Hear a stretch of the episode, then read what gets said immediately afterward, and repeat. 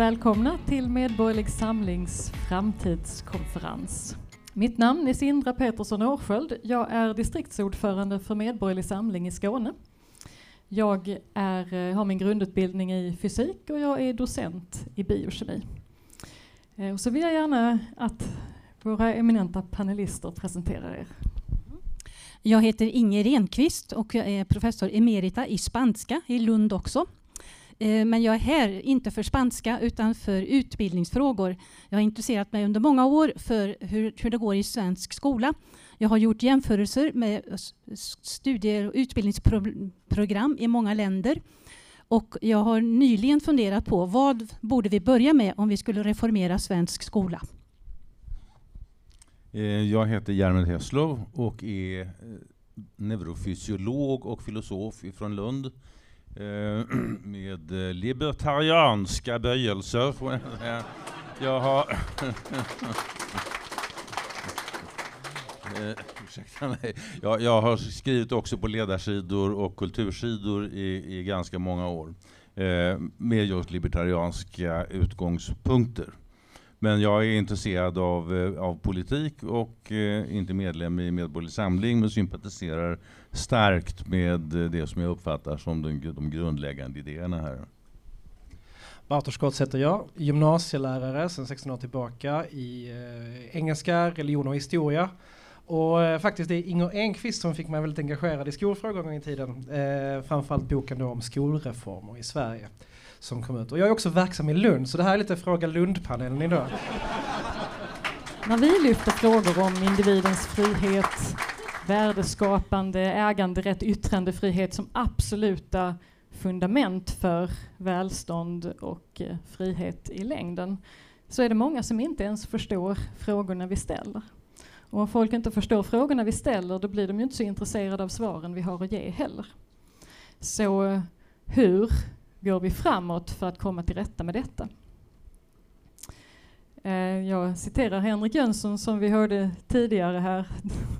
Du säger ju ibland att eh, svensk höger kunde tillbringa lite mindre tid på golfbanan och lite mer tid med att läsa böcker. Eh, och det är väl en bra början. Eh, det visar sig att eh, människor har levt och lärt och skrivit och testat saker och förkastat saker långt innan vi föddes.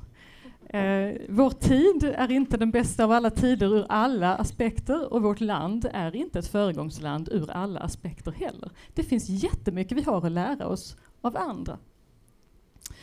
Eh, eh, vi behöver eh, lyfta bildningsgraden i det här landet. Vi behöver lyfta och framförallt kanske vidga bildningsgraden i det här landet så att vi har eh, det som finns till hands att utgå ifrån när vi diskuterar och tänker hur vi vill ha det. Och i grunden för ett bildat folk är förstås skola och utbildning. Eh, vi behöver en skola som eh, ger barn gedigen kunskap. Vi behöver ett universitet som låter fria tankar flöda. Och därför är vi här. För att diskutera skola, universitet och bildning. Så det första jag skulle vilja göra är att ge ordet till Inger Enqvist. Vill du vara snäll och berätta, vad har du skrivit i dina böcker? Tack så mycket. Eh, jag har ju hållit på med den här frågan i många år och eh, jag började min, min historieskrivning då med grundskolan 1962. Så vi är, det är mer än ett se, halvt sekel som vi, som vi pratar om. Men det allra senaste som jag har arbetat med det är vad skulle vi göra om vi vill vända den här skutan som man brukar säga. Vad skulle vi börja med? Och jag har så tre punkter som jag vill då dra fram. Vi behöver en ny läroplan. Och läroplan, det är, låter så milt, men det är alltså en lag. Vi behöver en ny läroplan. Vi behöver en ny läro, lärarutbildning baserad på den nya läroplanen.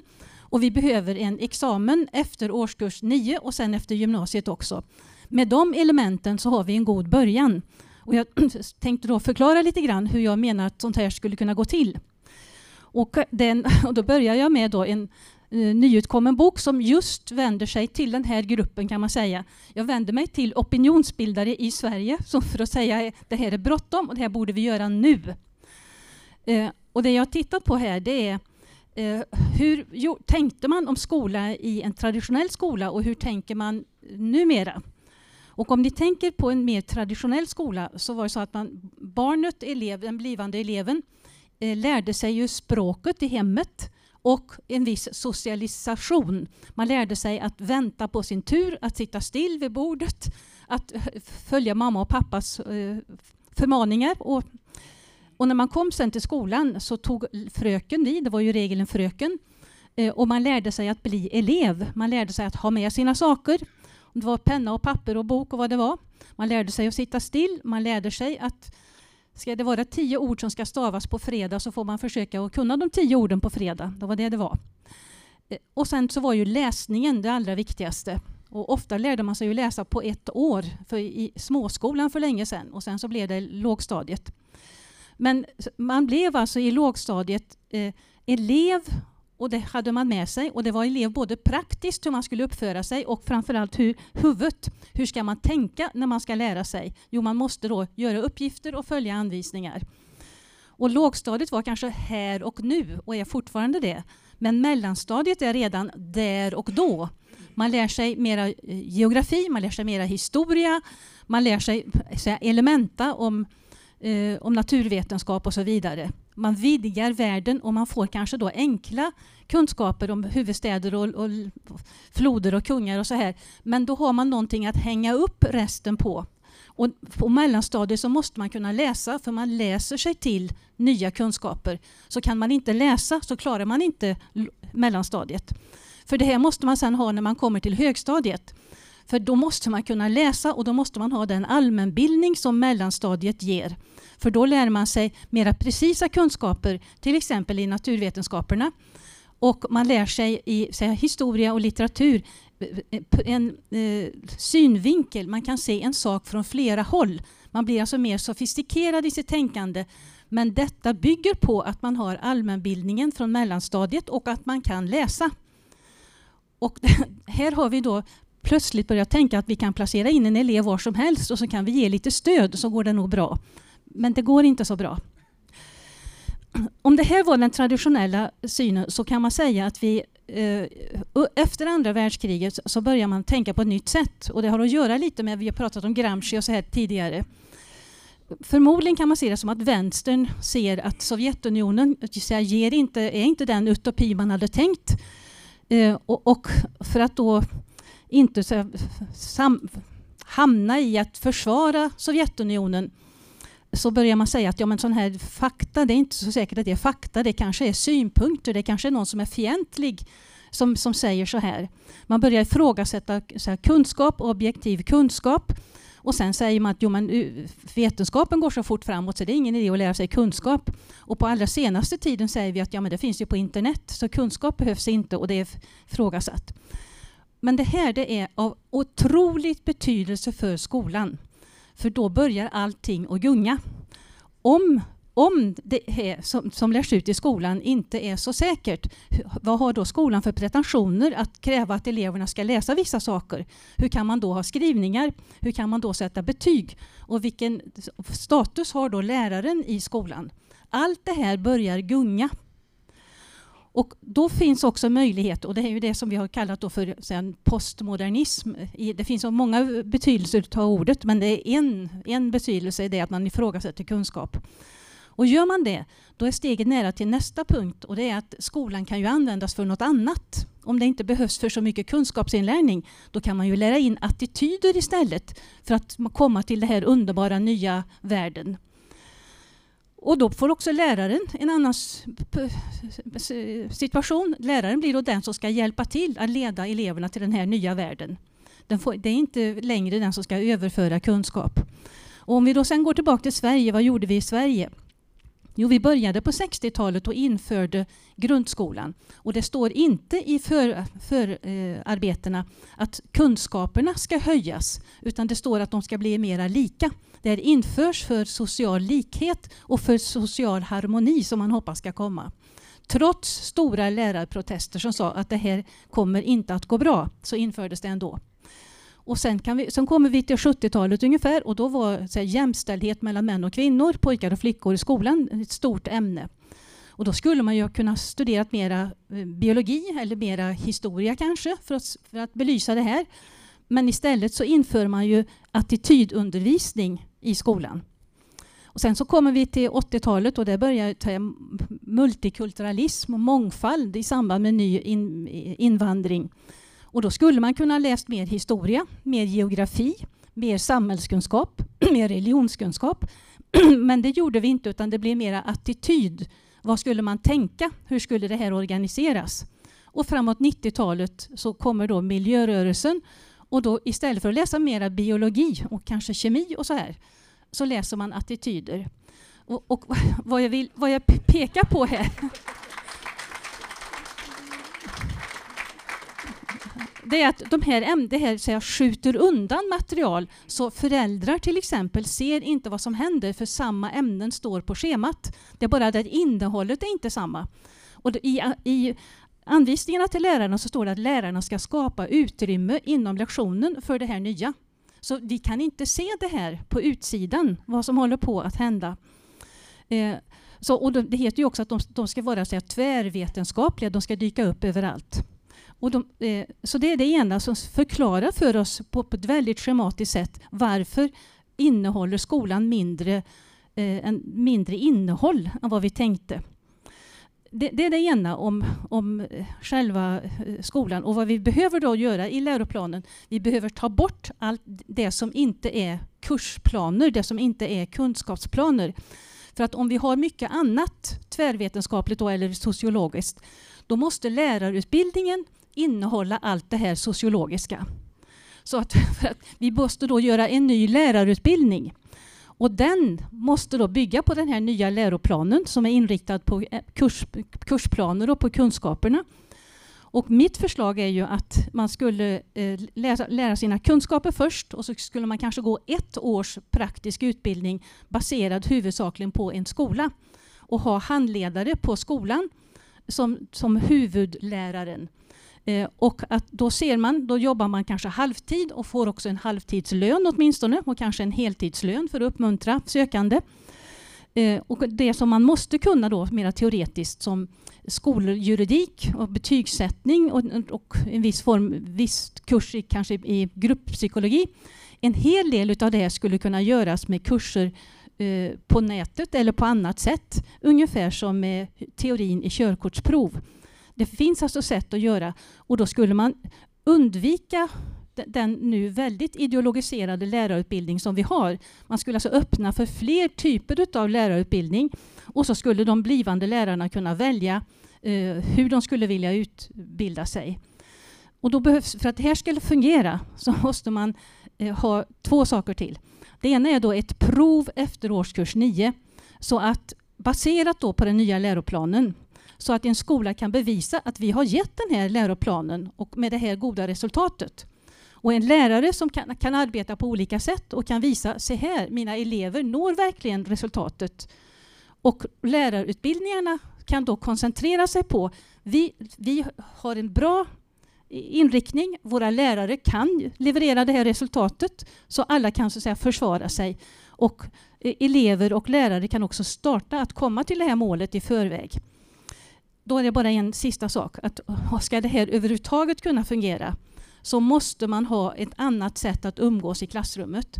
Det kan inte vara så här att elever kan svära åt läraren och sina medstudenter eller sina medelever. Det måste vara en annan atmosfär i klassrummet för att vi ska locka goda lärare till skolan, för att vi ska hålla kvar dem.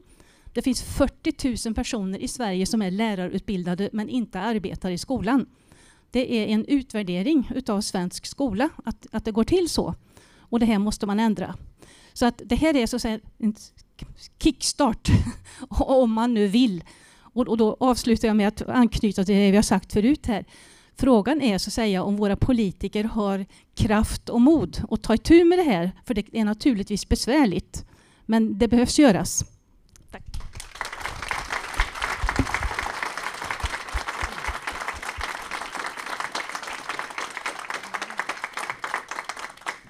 Tack så mycket. En mycket klar redogörelse över vad som har hänt och vad som ska göras. Bara att köra alltså.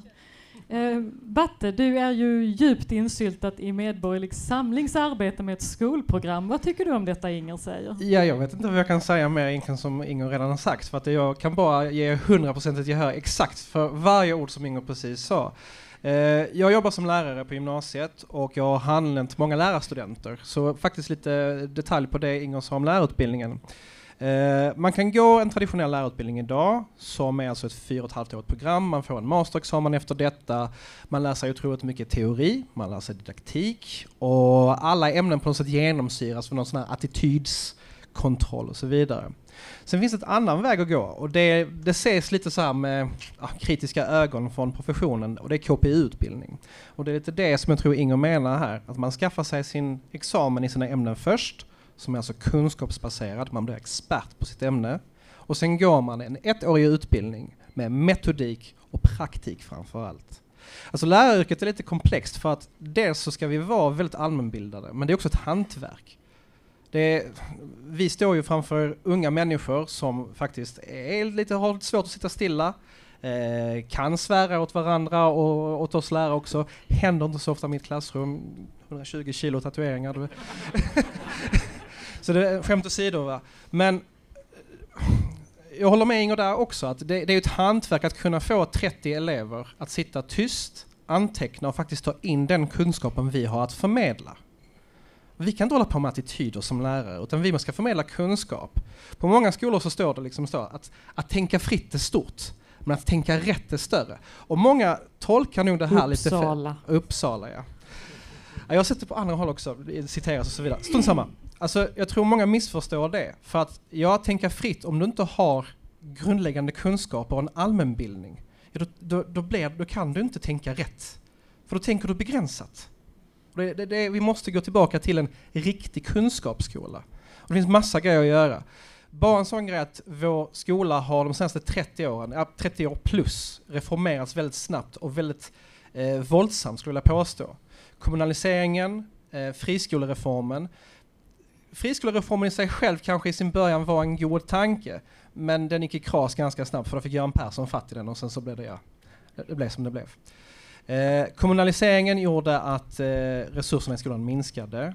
Eh, lärarstatusen sjönk jättemycket. Alltså vi gick från tarifflöner till individuell lönesättning. Så att det är svårt att säga. Sko tarifflöner är ja. att man får betalt för vad man faktiskt jobbar? Ja, alltså du, du får betalt för tjänsteår och akkreditering. Och akkreditering är alltså att desto bättre utbildad du är, desto mer ämnesexpert du är, desto bättre betalt får du. Alltså helt enkelt, du blir belönad för flit och merit. Det låter väl logiskt kan jag tänka mig. Så, så det är mycket som händer. Jag brukar säga att jag känner mig som en konspirationsteoretiker när jag pratar om skolan, för det är så otroligt många trådar som hänger ihop med varandra. Reformer som har gått helt fel i skolan. Så ja, men jag verkligen, Inger summerade det perfekt. Så tack. Ja, det är mycket klargörande det ni båda berättar. Eh, själv gick jag i skolan på 70 och 80-talet och då hade ju förfallet på något vis börjat. Men det fanns en och annan lärare av det gamla gardet kvar.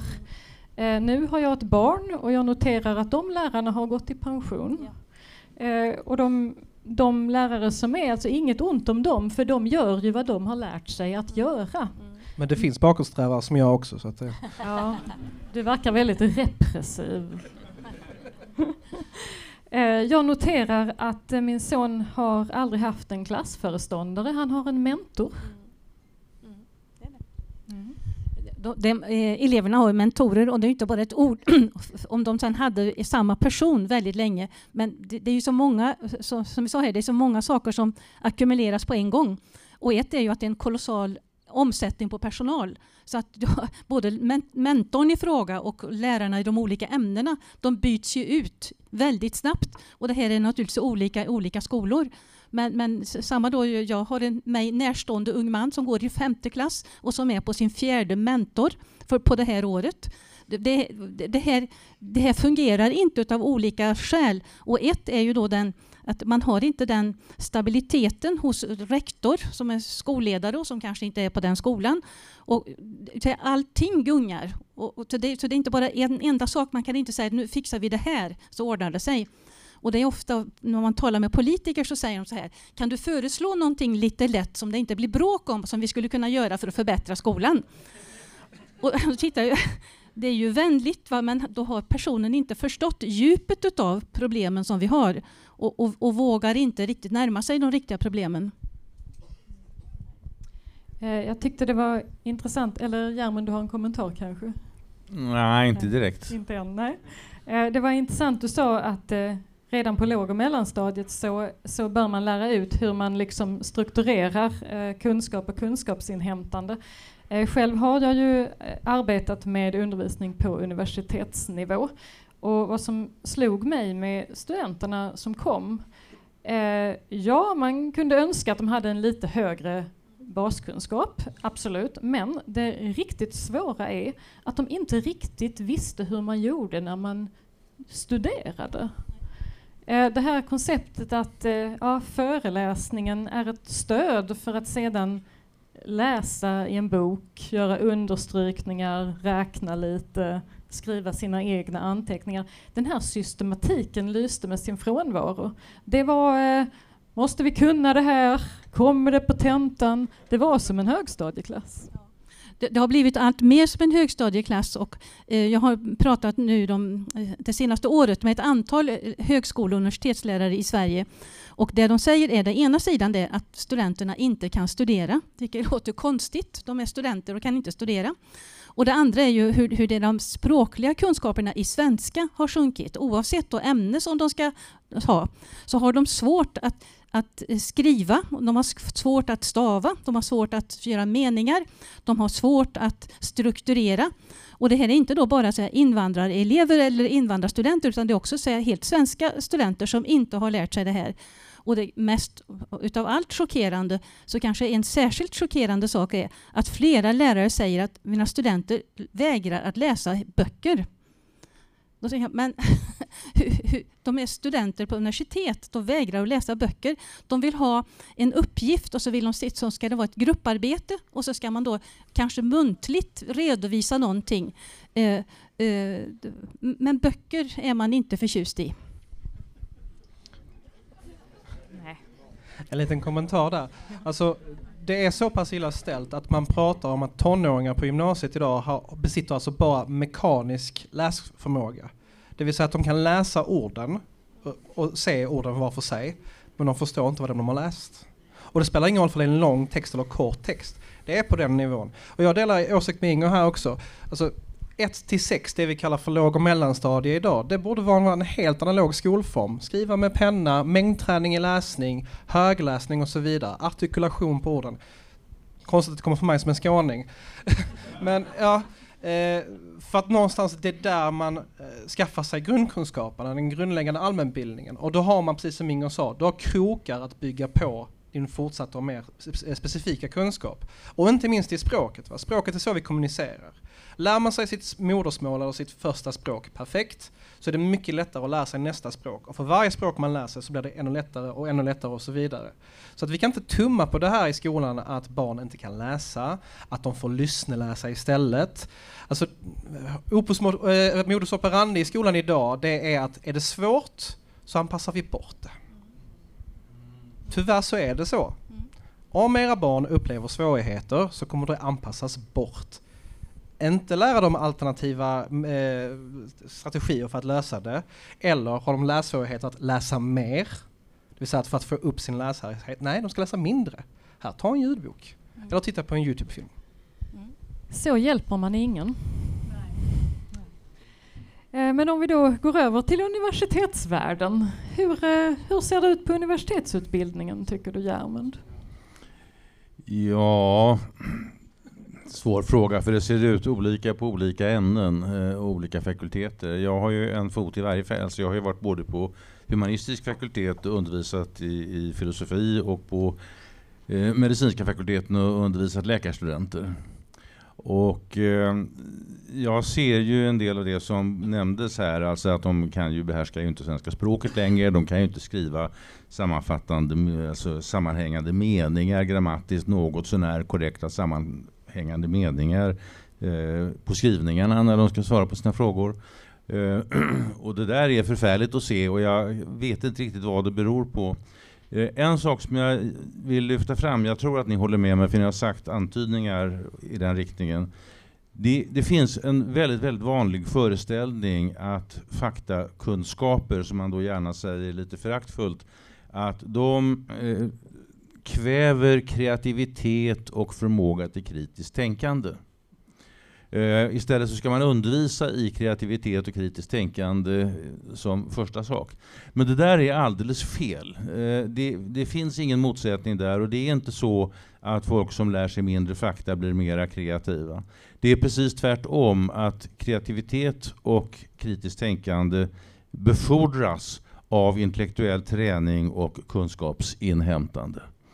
Ehm, man kan säga att, att eh, det som brister i intelligens kan man i någon mån kompensera med kunskaper. Eh, och det här, är, det här är en sak som inte så många känner till och det är väldigt, väldigt känsligt att prata om det. Men i västvärlden sjunker idag intelligensen mätt med IQ-test. Eh, många har hört talas om Flynn-effekten och den ska ni glömma. Det är en väldigt, väldigt vilse, ett vilseledande fynd som eh, har förvirrat hjärnorna på många. Intelligensen sjunker. Och eh, det kommer att ta väldigt lång tid att vända det. Ingen vet säkert vad det beror på. Men det vi får göra i mellantiden det är att förbättra undervisningen, förbättra människors förmåga att tänka.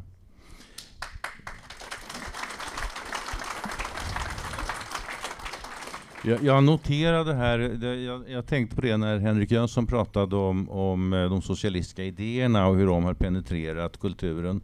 Eh, om man lyssnar till exempel på intervjuer då med eh, Svantesson eh, så blir det väldigt, väldigt tydligt att de som ställer frågorna är ekonomiska analfabeter. Och Svantesson är tvungen att svara en ekonomisk analfabet men dessutom svara inför svenska folket som till 99% består av ekonomiska analfabeter. Folk kan alltså inte det allra mest grundläggande. Och Många verkar tro att det bara är frågan om liksom socialistiska värderingar eller något sånt, men det är det inte. De här värderingarna har lett till att svenska folket är helt enkelt felinformerat när det gäller basala ekonomiska samband. Eh, och det finns en hel del det finns en hel del fördomar och missförstånd och vanföreställningar som har följt kapitalismen och marknadsekonomin i ett par hundra år. Eh, och som gör att människor fortfarande tror att till exempel eh, om folk slutar jobba tidigare så blir det fler jobb. Eh, eller om man tvingar företagen att sänka sina priser så, så kommer saker och ting att bli jättebra allt det där vet ju ekonomer är fel. Men de kan inte säga det därför att de som lyssnar kan inte ta det till sig för de är så himla felinformerade. Och in, den ekonomiutbildning som finns i skolorna, jag vet inte hur den ser ut riktigt, men jag, jag vet att den jag hade var ju en katastrof. Ingen fattar ju någonting.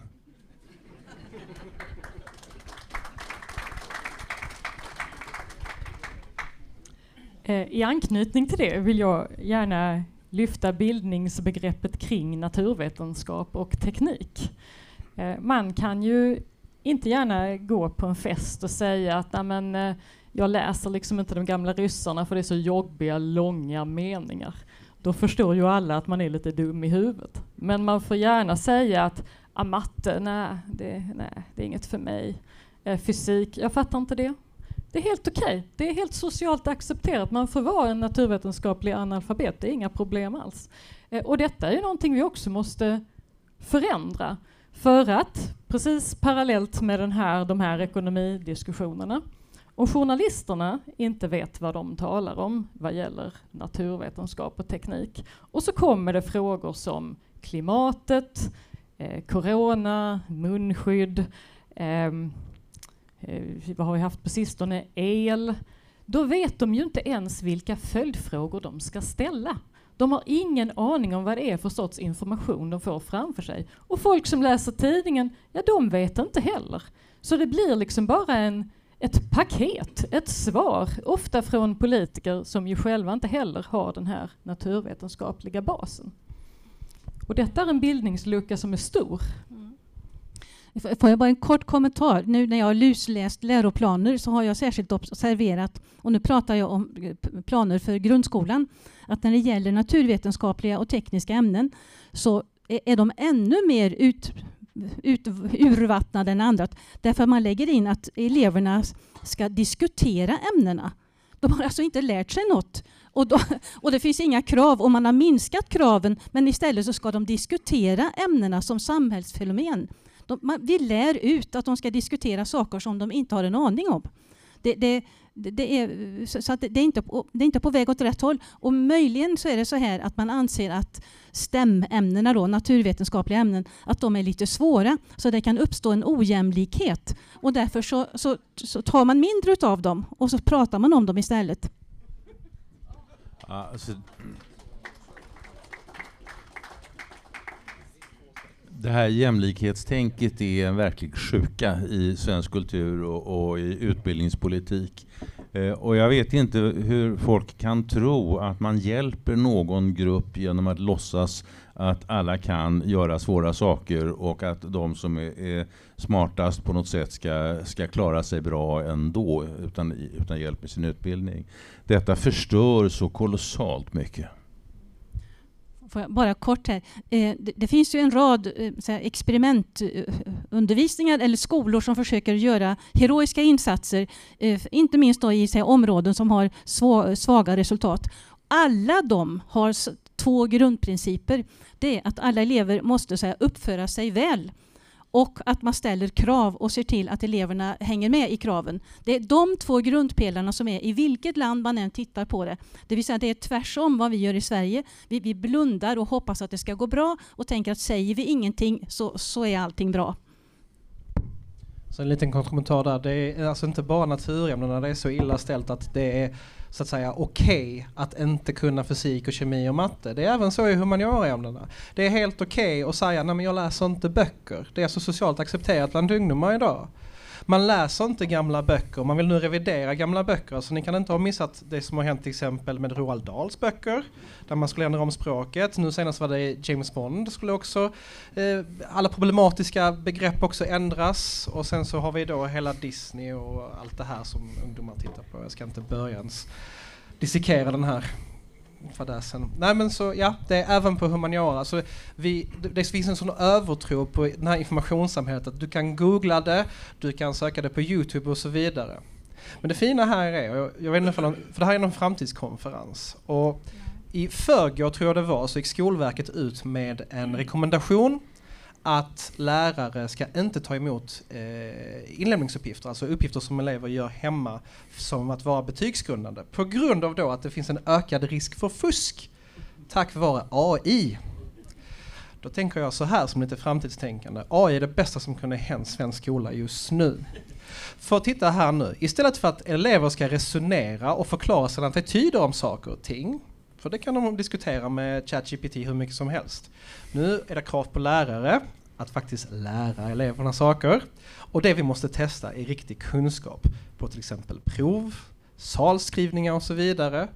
Alltså det här med fusk har varit problem tidigare. Det är jättevanligt att föräldrar skriver uppsatser till elever, att deras syskon gör det. Så det här är ingenting nytt. Det har funnits hemsidor, du kan plocka ner uppsatser och så vidare. Men nu, dessutom sex månader efter att ChatGPT lanserades, så vaknar Skolmyndigheten då, Skolverket. Det finns en ökad risk för fusk. Nej, risken är densamma. Nu är det bara uppenbart.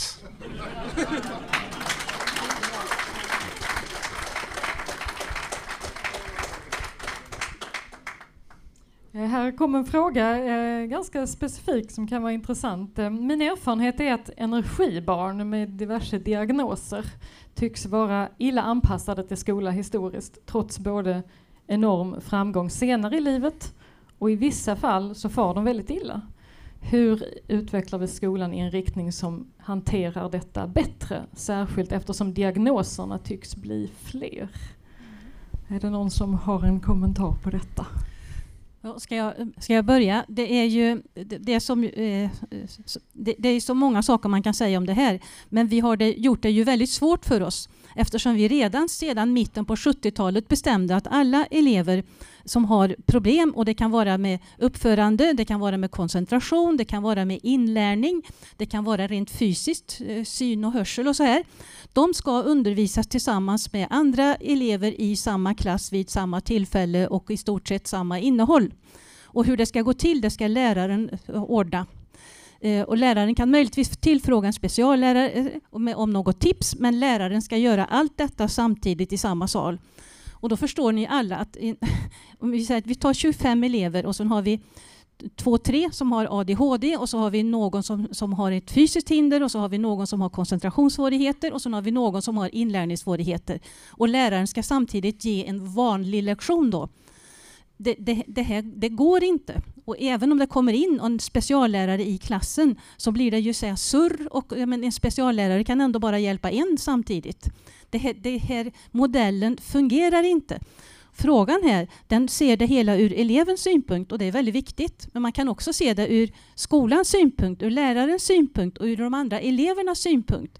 Det här fungerar inte, utan man måste kunna skapa olika grupper som passar till de olika elevernas behov. Och det här har då varit ett stort tabu att säga att elever har olika behov. Det har man liksom inte fått säga. Men det, så en väg, första steg här, det är att säga att elever har olika behov. Och det är egentligen inte i första hand en kostnadsfråga utan det är en organisationsfråga. Ja, fast det är väl också det där problemet med jämlikheten att eh, man uppfattar detta som ett farligt hot. Alltså säger man att barn har olika behov och ännu värre är det om man säger att de har olika förmåga så, så eh, är ju den naturliga slutsatsen att vi får ha olika typer av skolor och klasser och allt möjligt sånt där. Och då, känner, då reagerar människor och säger att oh, men det är ett hot mot jämlikheten för då kommer vissa barn att bli utpekade som lite sämre eller något i den där stilen.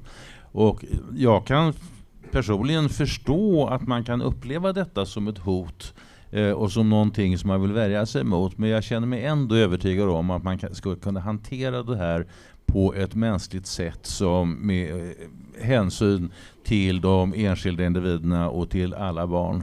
Utan att barn känner sig diskriminerade eller utmärkta som dåliga eller sämre eller något sånt där. Men exakt hur man ska göra det, det är en annan sak. Alltså Inger slår hål på den största myten i svensk skola idag, att det är att vi har en, alltså en skola för alla.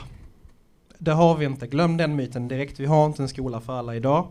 Utan precis som Inger säger, att en klass ska bestå av 30 individer, för det är så man sparar pengar i skolan. Både kommunal och friskola, de, det är besparingskraven där, det är inte det debatten handlar om egentligen. Det är oftast där skoldebatten hamnar, om driftformen. Tro mig, det är inte det största problemet by far i skolan. Utan det är just det här att det är en tanke om skola för alla. Lärare måste undervisa kollektivt. Alltså jag pratar till er här, ni är 120 individer här inne plus ni som lyssnar på, TV, på uh, Youtube och på Facebook.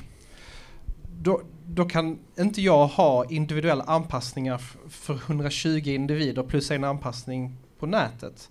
Utan jag måste ju undervisa kollektivt.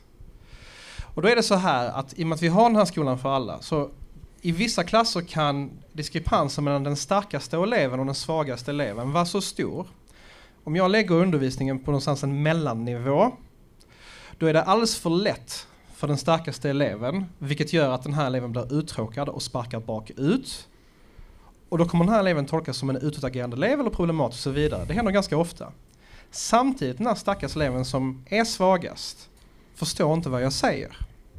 En av lösningarna på det här problemet är att återgå till nivågruppering jag är faktiskt hyfsat gammal ändå vill jag påstå. Jag är alltså den sista årgången som hade 1-5 betygen. Och vi hade då något som hette allmän och särskild engelska och allmän och särskild matte. Jag vet inte, vissa av er kanske minns det här och hade den här. Och i stunden kanske det var stigmatiserande. Men ingen i de här gruppen kände sig som en fullständig idiot för att de inte fattade utan de möttes på rätt nivå och hade chansen att utveckla sig och komma i fatt. För det var aldrig fasta, liksom, det var inte vattentäta skott mellan det här. När du kom ifatt så kunde du gå upp till särskild matte. Eller om det fanns tre nivåer eller fyra nivåer som det fanns ett tag. Det här är inget konstigt. För att göra som vi gör nu, det är ovärdigt mot både de starkaste och framförallt de svagaste.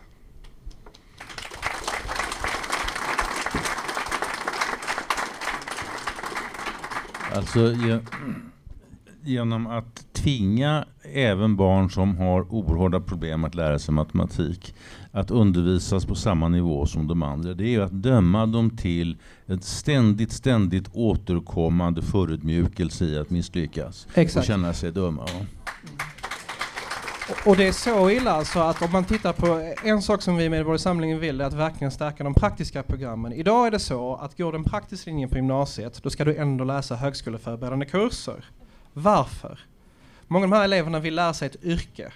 Tvåårig linje som det fanns en gång i tiden med ett års praktik är mycket mer värdet. De behöver inte lära sig skriva PM. PM är dessutom ett ganska dåligt textformat. Säger ingenting. Ja, tack för det.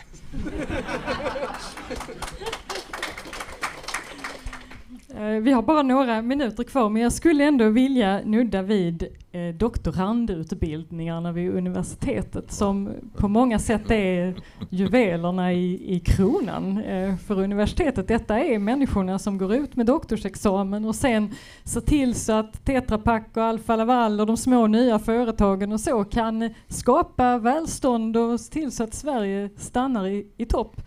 Um, och eh, de allra mest kreativa stannar ju förhoppningsvis som akademiker och hittar på nya grejer. Uh, jag har hört dig säga Järmund, uh, eh, från uh, intellektuell fest till utbildningsfabrik. Ja, det var ett uttryck som jag använde när jag höll föredrag i Lund. Jag har undervisat på Lunds universitet i mer än 50 år faktiskt. Många av de åren just som handledare och doktorander. Och jag minns när jag började på en institution, vetenskaplig institution så var ju friheten väldigt omfattande. Man kunde välja ämnen och handledaren eh, kunde förstås ha synpunkter men, men man fick väl, en, en enorm frihet. Och jag har ett par erfarenheter sen av doktorandutbildningen som jag gärna vill, vill berätta om. Den ena var att, att eh, man, har man en doktorand så får man så småningom blanketter man ska fylla i, en massa upplysningar om hur det har gått, vilka kurser de har gått och hur många artiklar de har skrivit under tiden och, och, och det ena med det andra. Eh, och det är ganska självklart att ingen kommer att läsa det där när man, man skickar in det. Men det var alltså, rätt så knöligt och lite jobbigt och väldigt irriterande att få dem där och behöva fylla i dem där. Så att jag gjorde då som en liten gliring till utbildningsbyråkraterna så gjorde jag ett nytt formulär eh, som jag skickade in och det var menat som ett skämt eller som en, en ganska illa dold kritik. Eh, där jag skrev helt enkelt, blanketten var doktorandarbetet fortskrider planenligt undertecknad handledaren. Eh, och, så det skickade jag till dem. Och vad tror ni händer? Alltså, istället för att då eh, kasta det här papperskorgen eh, så skickar man ut det på remiss. Och, och det blir accepterat, det blir god, man godkände den här nya blanketten. Men, men, därefter År efter år så lades det till en ny rad med nya upplysningar och efter några år så var det precis likadant från början igen. ja, alltså, en, av de, en av de saker som folk borde veta lite mer om det är public choice-teorin i ekonomin som förklarar varför byråkratier i hög grad fungerar på det här sättet. En annan erfarenhet eh, som eh, jag har det är att att eh, när jag började på doktorandutbildning på, i, i medicin och neurofysiologi, då fanns det ju folk som hade hållit på i tio år och skrivit avhandlingar. Det kom gästforskare från utlandet och var förvånade över att personer som de kände till som internationellt kända forskare ännu inte hade disputerat. Eh, men det där har man ju då ändrat och, och nu så skriver man ett, ett, kontrakt och det ska vara klart, det ska ta fyra år, möjligen får det ta fem om man eh, lägger lite tid på undervisning och så. Eh, och sen ska det vara klart. Och eh, om man ska gå vissa kurser och sådär så man hinner inte forska så mycket därför att man ska gå en massa kurser och det kan vara allt möjligt. Det är inte bara då i vetenskaplig metod utan det kan vara ledarskapsutbildningar och alla möjliga olika sådana saker man ska gå. Men jag råkade då ut för, jag hade en doktorand som gjorde eh, arbetade ganska självständigt och gjorde en del saker utifrån eh, metoder som vi hade tänkt ut initialt. Eh, och eh, det här gällde arbete med barn och den här doktoranden tyckte att hon ville inte ha en gammal gubbe som sitter bredvid utan hon ville göra det här själv. Och så höll hon på med detta i månader och något år och så plötsligt så upptäcker vi då att fasen också, vi har nog använt fel metod här, det här fungerar inte. Och hade det varit på den tiden när jag började, då hade man startat om från början. Men det går inte nu, därför att det är ett kontrakt, det ska vara klart på en viss tid. Alla artiklar måste, det måste publiceras artiklar hela tiden, även om det är ren smörja. Så att, att det fanns ingen möjlighet här att backa, tänka om och göra på ett annat sätt. Utan eh, man var tvungen att fullfölja arbetet enligt den ursprungliga planen. Och det är klart att man kan säga att då, då, kan man ju ta till sig, göra de här lärdomarna och så göra det efter disputationen. Men jag tycker att detta är ett exempel på hur planekonomiskt tänkande infiltrerar forskningen och leder till precis samma typ av problem. Eh, istället för att hjälpa doktoranden så blir det här en black om foten i, i någon mån. Hon klarade detta väldigt bra ändå, måste jag säga. Eh, hon var väldigt imponerande i, i sin eh, ihärdighet och, och förmåga att, att, byta fot och hantera det här. Men det är en väldig fara att tro att man ska kunna strömlinjeforma en verksamhet som till sin natur är oförutsägbar och bygger på mänsklig kreativitet, som just forskning. Tack så mycket. Nu har vi slut på den berömda tiden. Stort tack eh, för att ni kom och för att ni deltog i detta intressanta samtal. Och eh, jag kan bara eka Henrik Jönsson, det är så viktigt äh, det som alla här inne gör, opinionsbildande och bildande i största allmänhet. Folk måste lära sig mera. Tack för idag.